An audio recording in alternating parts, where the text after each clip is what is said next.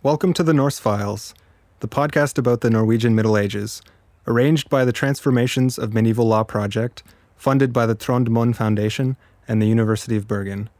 I'm your host, Patrick Ferrugia.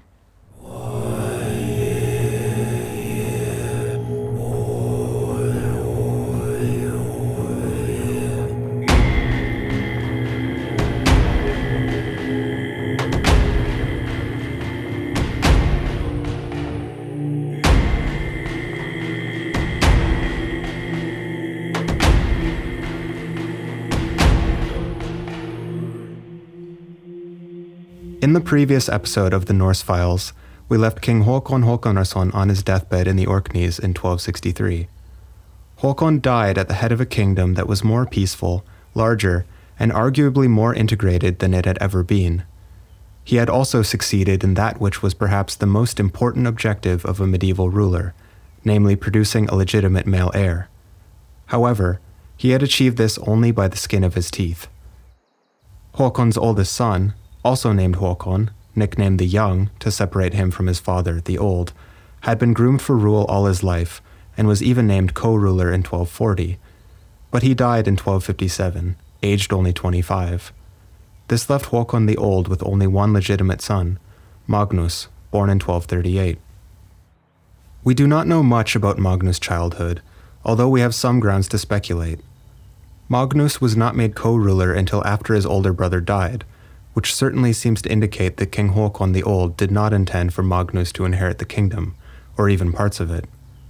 It is possible that he was instead intended for a career in the church, as this was often customary for younger sons of the aristocracy. A Scottish chronicle records that Magnus used to attend theological lectures at the Franciscan monastery in Bergen in his youth, but it is not clear how much trust we can put in this information. What seems relatively plausible, however, is that after King Håkon's death in 1263, the throne was inherited by a young man who was not especially prepared for the duties that lay ahead of him. Here we should take a moment to appreciate the precarity of the moment. A change of monarch was a dangerous moment in a medieval kingdom at the best of times, and as you have heard in the earlier episodes in this series of podcasts, Norway had a long history of difficult transitions of power from one king to another. Only a couple of decades prior to Magnus' ascension to the throne, his father had defeated an insurrection by the disgruntled Duke Skule Bårdsson, and prior to Håkon Håkonarsson's reign, the kingdom had been ravaged by almost a century of dynastic wars. As we heard in the previous episode, Håkon had worked hard to ensure a safe and stable succession after his death, clearing the way so that his sons, and eventually Magnus alone, was the only viable successor to the throne. It is nonetheless crucial to note that for people living in Norway in civil war was a part of living memory, and there was little reason to assume that it had to be a thing of the past. In this episode, we shall see that anxiety about conflicts and war seemed to have been a central feature of Magnus' reign. We shall see that as a king, Magnus often took the conciliatory route, choosing negotiation and diplomacy over brute force. A yearning for harmony and internal peace can also be gleaned from Magnus' considerable legislative agenda, which sought to regulate all the regions and all the various groups living within his realm. Before we begin to tell the story of Magnus, it is worthwhile to consider a crucial difference between him and his father, namely the texts that were written down about them. These texts are the sources that give us the information we need to tell their stories, but different sources tell different stories and the sources to Magnus' life are very different to the sources which tell about his father. King Håkon had a great saga, a work of narrative history, written about his life, and it is from this saga that we get most of the rich information we have about his reign. It is work of history which emphasizes conflict, especially the fraught relationship to the most important magnate in the realm, Skule Bårdsson. The saga about Håkon was commissioned and written during Magnus' reign, and the author, Sturla Thordarson, was also commissioned to write a saga about Magnus, and was given access to both the king's own testimony and his archive. Had this saga survived, we would have known a lot more about the life and times of King Magnus, but only a very small part of the saga has survived into the modern day. The rest is lost. What we are left with is documentary evidence, which tells about the agreements Magnus entered into with the church as well as with rulers of other kingdoms. We also get some information about Magnus' reign from Icelandic sagas, such as Árna Saga Biskups, which tells the story of the Icelandic bishop, Árni but touches on the society and politics of Norway when its main character does. Finally, perhaps our most important sources are the laws enacted during Magnus' reign. As we shall see, they were both very ambitious and revealing of the values held by Magnus and his inner circle of advisors. These sources seem to reveal three central themes of Magnus' 17 years on the throne. The first was a much more restrained and careful foreign policy than the one which was pursued during the reign of his father. The second was a prolonged conflict with the Archbishop of Nidaros, over which legal cases the Church had a right to adjudicate, and from which they could collect fines. The third was the comprehensive reworking and reimagining of the laws of the lands governed by the Norwegian king. This was, and is, Magnus' most enduring legacy, and the feat which earned him the nickname he carries to this day, Lagabøter, the lawmender. As we have seen in episodes 3 and 4, Magnus' father, King Håkon, had pursued an aggressive foreign policy, especially in the west, where he had strengthened the Norwegian crown's control over the Faroes, Shetland, and Orkney, and established himself as overlord of both Iceland and Greenland he had taken a similarly aggressive stance towards Denmark.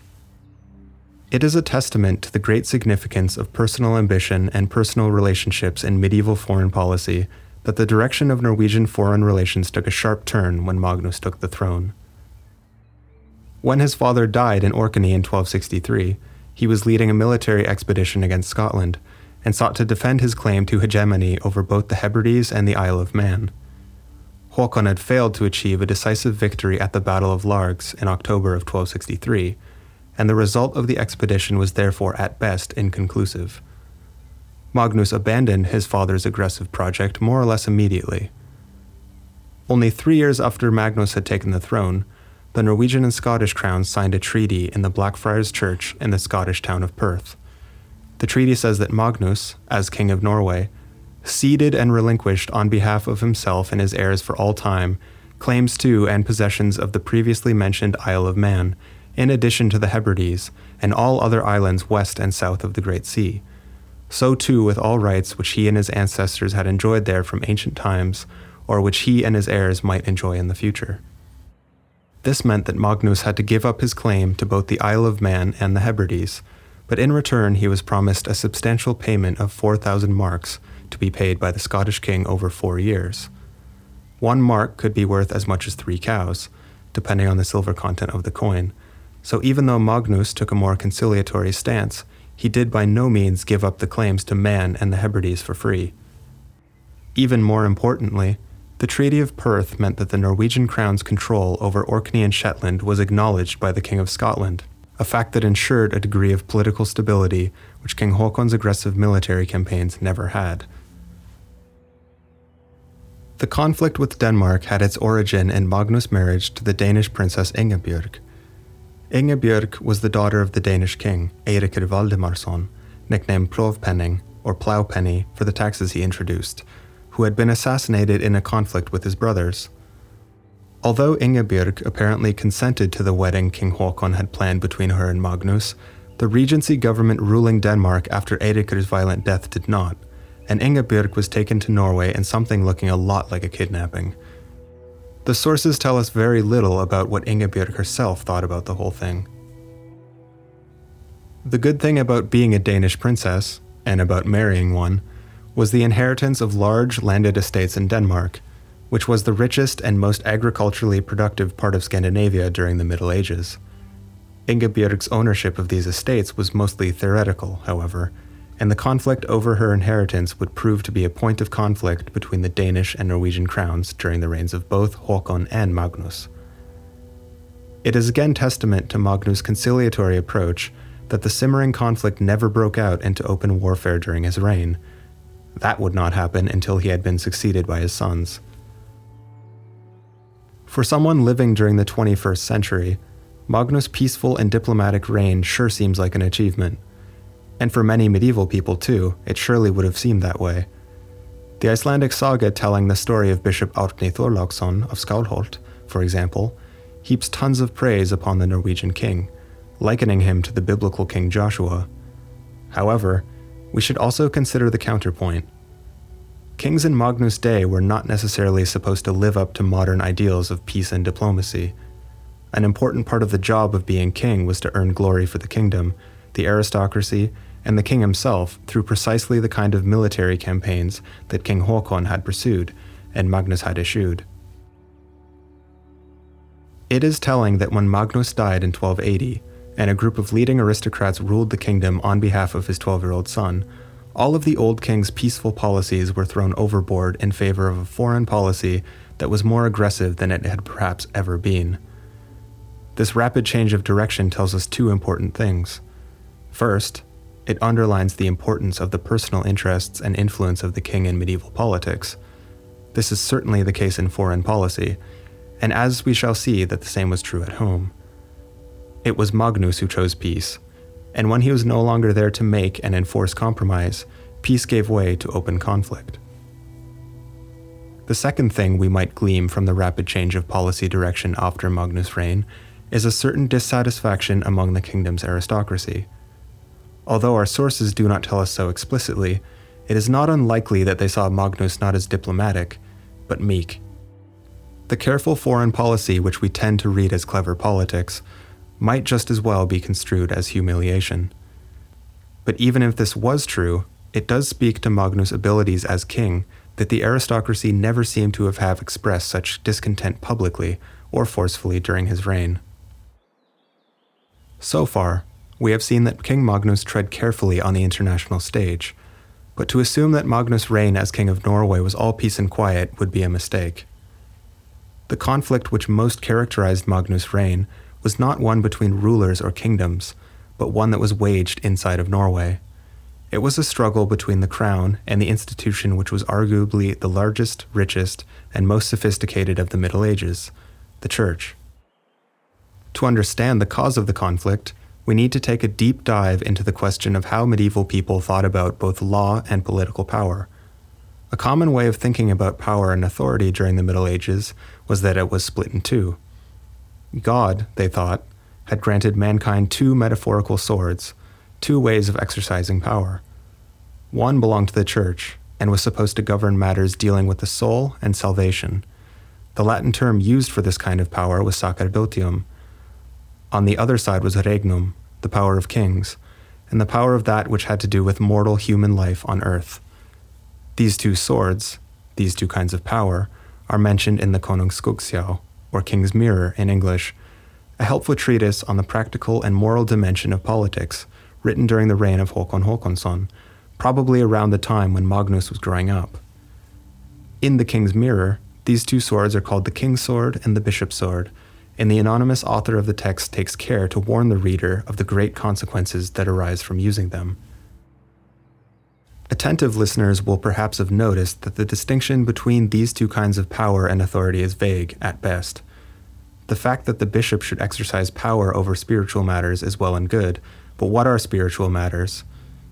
Here we need to be extra careful to lay our modern preconceptions aside.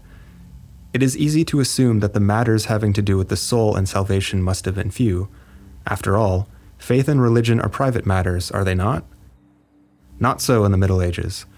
According to the Church, at least, the spiritual sphere was huge, covering large parts of human life. First of all, all matters involving the Church as an institution, whether its internal governance, property, or even its members, fell under the power of sacerdotium and was supposed to be governed by bishops without much meaningful interference from kings. When we remember that the Church was the wealthiest institution in Europe by far, owning perhaps as much as 50% of all the land in Norway around 1300, we begin to get some sense of how much power the church was claiming when it sought to govern itself. Furthermore, a lot of important milestones in a person's life, from cradle to grave, were considered spiritual matters, as were other issues which were fundamental to social life. Childbirth, questions of paternity, baptism, all things having to do with sexuality, including sexual violence and rape, marriage, vows and promises, what food to eat and when to eat it, when to work and when to rest, wills and testaments, burials, and so on. The crucial matter, and the cause of the conflict between regnum and sacerdotium during Magnus' reign, was that all these matters, whether it be church property or marriage, were governed by laws. Laws raised not only the question of who could make and change them, but also about who was entitled to the fines that were paid when the laws were broken. The question of whether the king or the church had the right to legislate on a specific topic was therefore not only a matter of symbolism and authority, which could be important enough in itself, but also a question of cold, hard cash. If the bishop was judging legal cases about marriage, it meant that the bishop could collect fines in those cases. When the line between regnum and sacerdotium was so vague, it meant that kings and churchmen could fight over where to draw it, and the reward for winning such a fight was both more power and more coin in the coffers. From the 1100s onward, the church had gradually expanded its authority and power in Norway, and along the way it had gained legal jurisdiction of many of the areas of life we mentioned above. The expansion of the church, and its claim to fines in so many different legal cases, was made possible not in small part by the fact that the church was so much more established as an institution than the crown. Whereas the church had a professional bureaucracy built on written communication, the crown was much more reliant on personal relationships and face to face communication. This began to change in the 1200s and as the royal bureaucracy expanded, so did its ambitions. By the time of Magnus' reign, the church and the crown was on a collision course over the question of jurisdiction in legal cases who had the power and who would get the cash. The spark that would light the flame was Magnus' biggest project and greatest legacy the revision of the laws in his realm.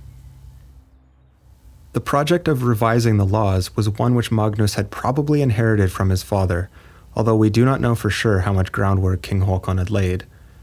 The project of legal revision was massive, and we will get into the details of this project in a bit, but for now we should note that one big part of it was to make one law book, one set of rules, for all of the Norwegian kingdom. Uniting a kingdom under one law in this way was practically unheard of in Europe at the time. It had only been done in the kingdoms of Castile and Sicily, but the laws introduced in these kingdoms seemed much more like theoretical exercises for learned lawyers rather than laws intended for practical use. The fact that Magnus sought to make a law which was practiced in his entire kingdom therefore speaks to both great ambition and great power. Any attempt to unite the Norwegian kingdom in this way had to reckon with the fact that Norway was divided into four legal provinces, each with their own law books and their own assembly, Thing, where representatives of the local householders would approve or even make new laws, as well as judge legal disputes. One of these provinces was called the Frostathing and covered the region of Trøndelag as well as the northernmost part of the realm. One was called the Gulathing and covered the western and southern part of the realm. A third was called the Borgarthing and covered the southeastern part of the realm around the Oslofjord. And the final province was called the Eidsivathing covering the remaining northeastern part of the realm. The separate law books of these four provinces were not that different. Many of the rules and procedures were the same. All of them also contained a separate section known as Kristinretter, literally Christian law, which dealt with all of the spiritual matter discussed earlier in this episode, apart from that having to do with the organization of the church. The Christian laws were therefore the laws of the church, which were relevant to lay people, the stuff they needed to do right in their everyday lives. Things like how and when a baby should be baptized, which holy days to not work on, and what to eat or not eat during the fast. When Magnus set about making one law book for all of his kingdom, the first step on the way was to revise all of the regional law books to make them more up to date and easier to merge into one law book. In 1267, only four years into his reign, Magnus presented an updated law book to the Gulathing, and did the same for the Eidsivathing and Borgarthing the following year. But then he hit a brick wall. The wall in question was named Røyð, and he was the Archbishop of Nidaros and the head of the church province, which included both the Kingdom of Norway and its overseas dominions Iceland, Greenland, Orkney, Shetland, and the Faroes. Jon was famously combative on behalf of the church, earning him the nickname Hinn staðfasti, which we can translate to something like the unwavering or perhaps the stubborn. In Archbishop Jon's mind, it was completely unacceptable that a king would legislate on matters that were within the church's jurisdiction. He saw it as a blatant violation of the church's right to govern both itself and the spiritual matters it was supposed to regulate. The archbishop's headquarters were in Nidaros, in the region of Trondelag and in the legal province of the Frostathing. When it came time for Magnus to revise the law book of this province in 1269, the archbishop used his power and influence to ensure that the free men of the assembly rejected the revision. This was clearly a hit to Magnus' ambitions, but he did not let the archbishop derail his plans. Instead, he made some changes to his new law book for all of the Norwegian realm. The old provincial law book had contained sections of Christian law at the beginning, but this was taken out of the new law. There was still a section called Kristenretter, but it did not have its traditional content. Instead, it dealt with oaths of loyalty to the king and rules for succession to the throne. Meanwhile, Magnus sneakily placed a lot of rules which were traditionally part of the Christian law in other sections of the law book. A typical example is perjury, swearing a false oath, which had been within the church's jurisdiction for as long as anyone could remember.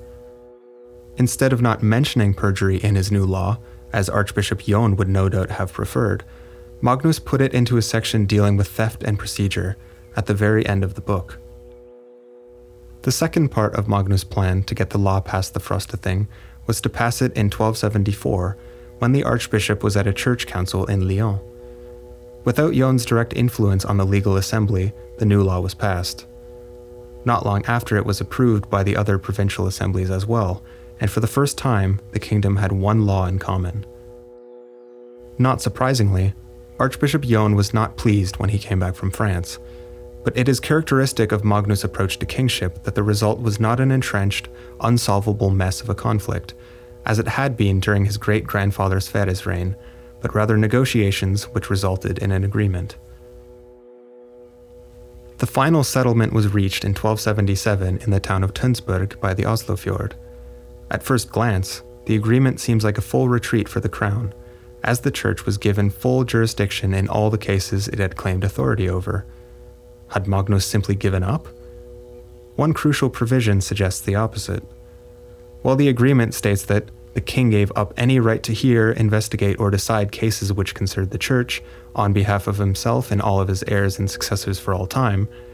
It goes on to state that the king would still maintain a right to fines in cases where custom or the laws of the realm said otherwise. If we take the laws of the realm to mean the law book Magnus had enacted just three years previously, the book with considerable amounts of Christian law hidden in between other kinds of law we suddenly get the impression that it was Magnus who played Archbishop Jon, and not the other way around. Like Magnus' achievements and agreements in foreign policy, this settlement with the church would also be rejected in favor of a much more aggressive and confronting policy after Magnus had died in 1280 and left the kingdom to a regency government. The regent's treatment of church personnel and property made Magnus look like a Boy Scout in comparison, and it resulted in Archbishop Jon's death in exile in Sweden in 1282. The conflict was not laid to rest until the 1277 agreement was finally approved by King Christian I in 1458. So far, we have seen that Magnus' conflict with the Church went hand in hand with his attempt to revise and reorder the laws of his kingdom. When Magnus managed to complete the legal unification of Norway in 1274, despite the protestations of Archbishop Jon, the largest piece of this jigsaw puzzle was put in place. The law passed in 1274 is usually called the Landslov, the law of the land or realm, and it was valid in all of Norway, as well as Orkney, Shetland, and the Faroes. Most of the content of the Landslov is taken from the older provincial law books, but some of the content is new. What is really new about Magnus Law, however, is the philosophical approach to law and legislation, a philosophy which is absent from the old provincial laws. In the old law books, law was constructed on a case by case basis. Judgments made by the legal assembly were remembered and eventually written down to function as the basis and precedent of future judgments. This was a kind of legislating from below, gradual, and without any overarching plan or direction. When Magnus made a law for his kingdom, it was a different thing altogether. Inspired by the Roman emperors of antiquity, Magnus took on the role of the ruler who made law and therefore sought to shape society. While this distinction might seem minor in retrospect, it was a major shift in the way that a medieval kingdom was governed. Although it might have been the most important, the Landslog was not the only royal legislation issued during the reign of Magnus.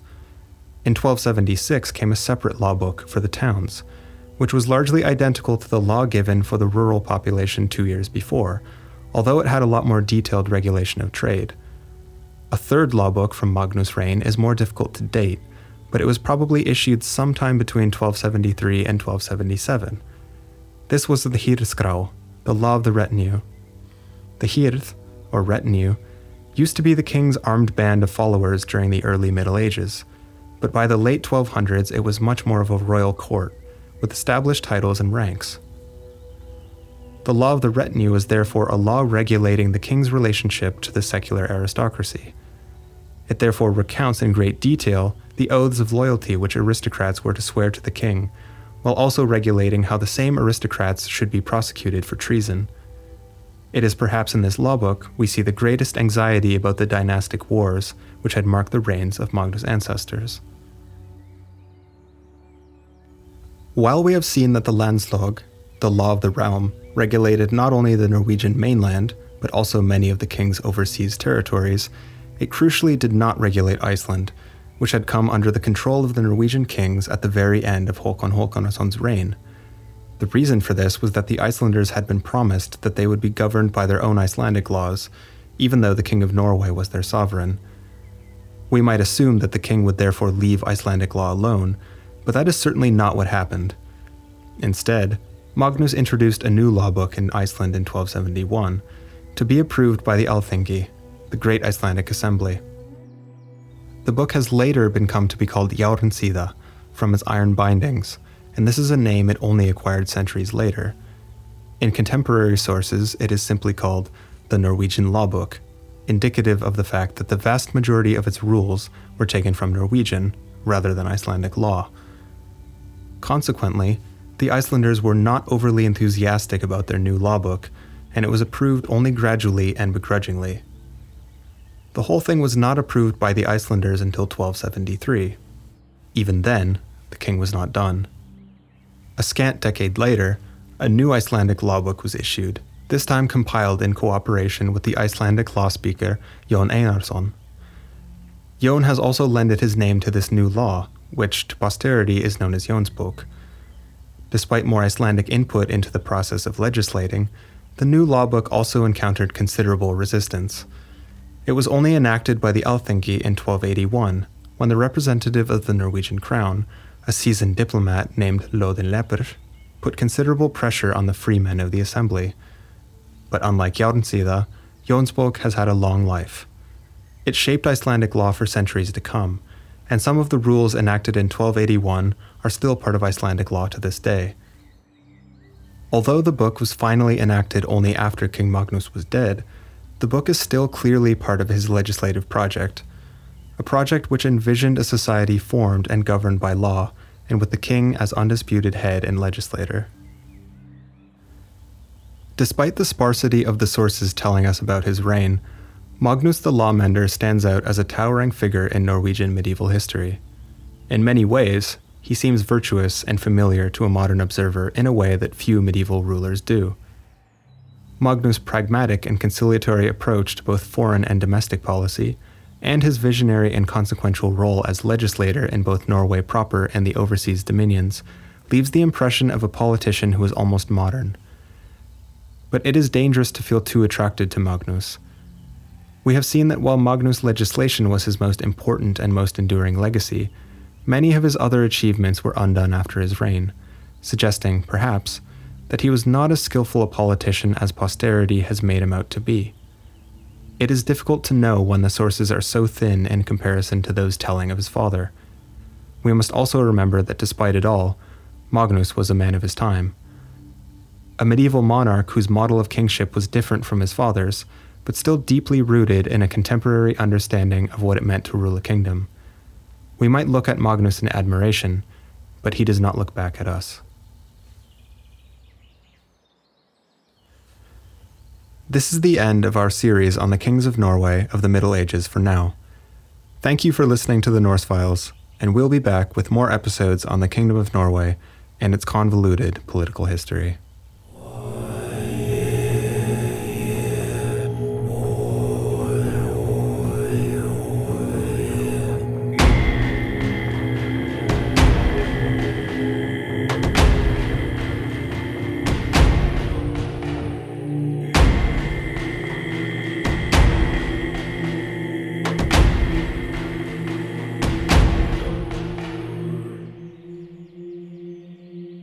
The Norse Files is written by Helen Leslie Jacobsen, Ole Albert Rønning Nordby, and Julian Vage, coordinated by Vegard Søhus, produced and mixed by Anders Bibov Olsen at Pøsrein Studio, and narrated by me, Patrick Ferrugia.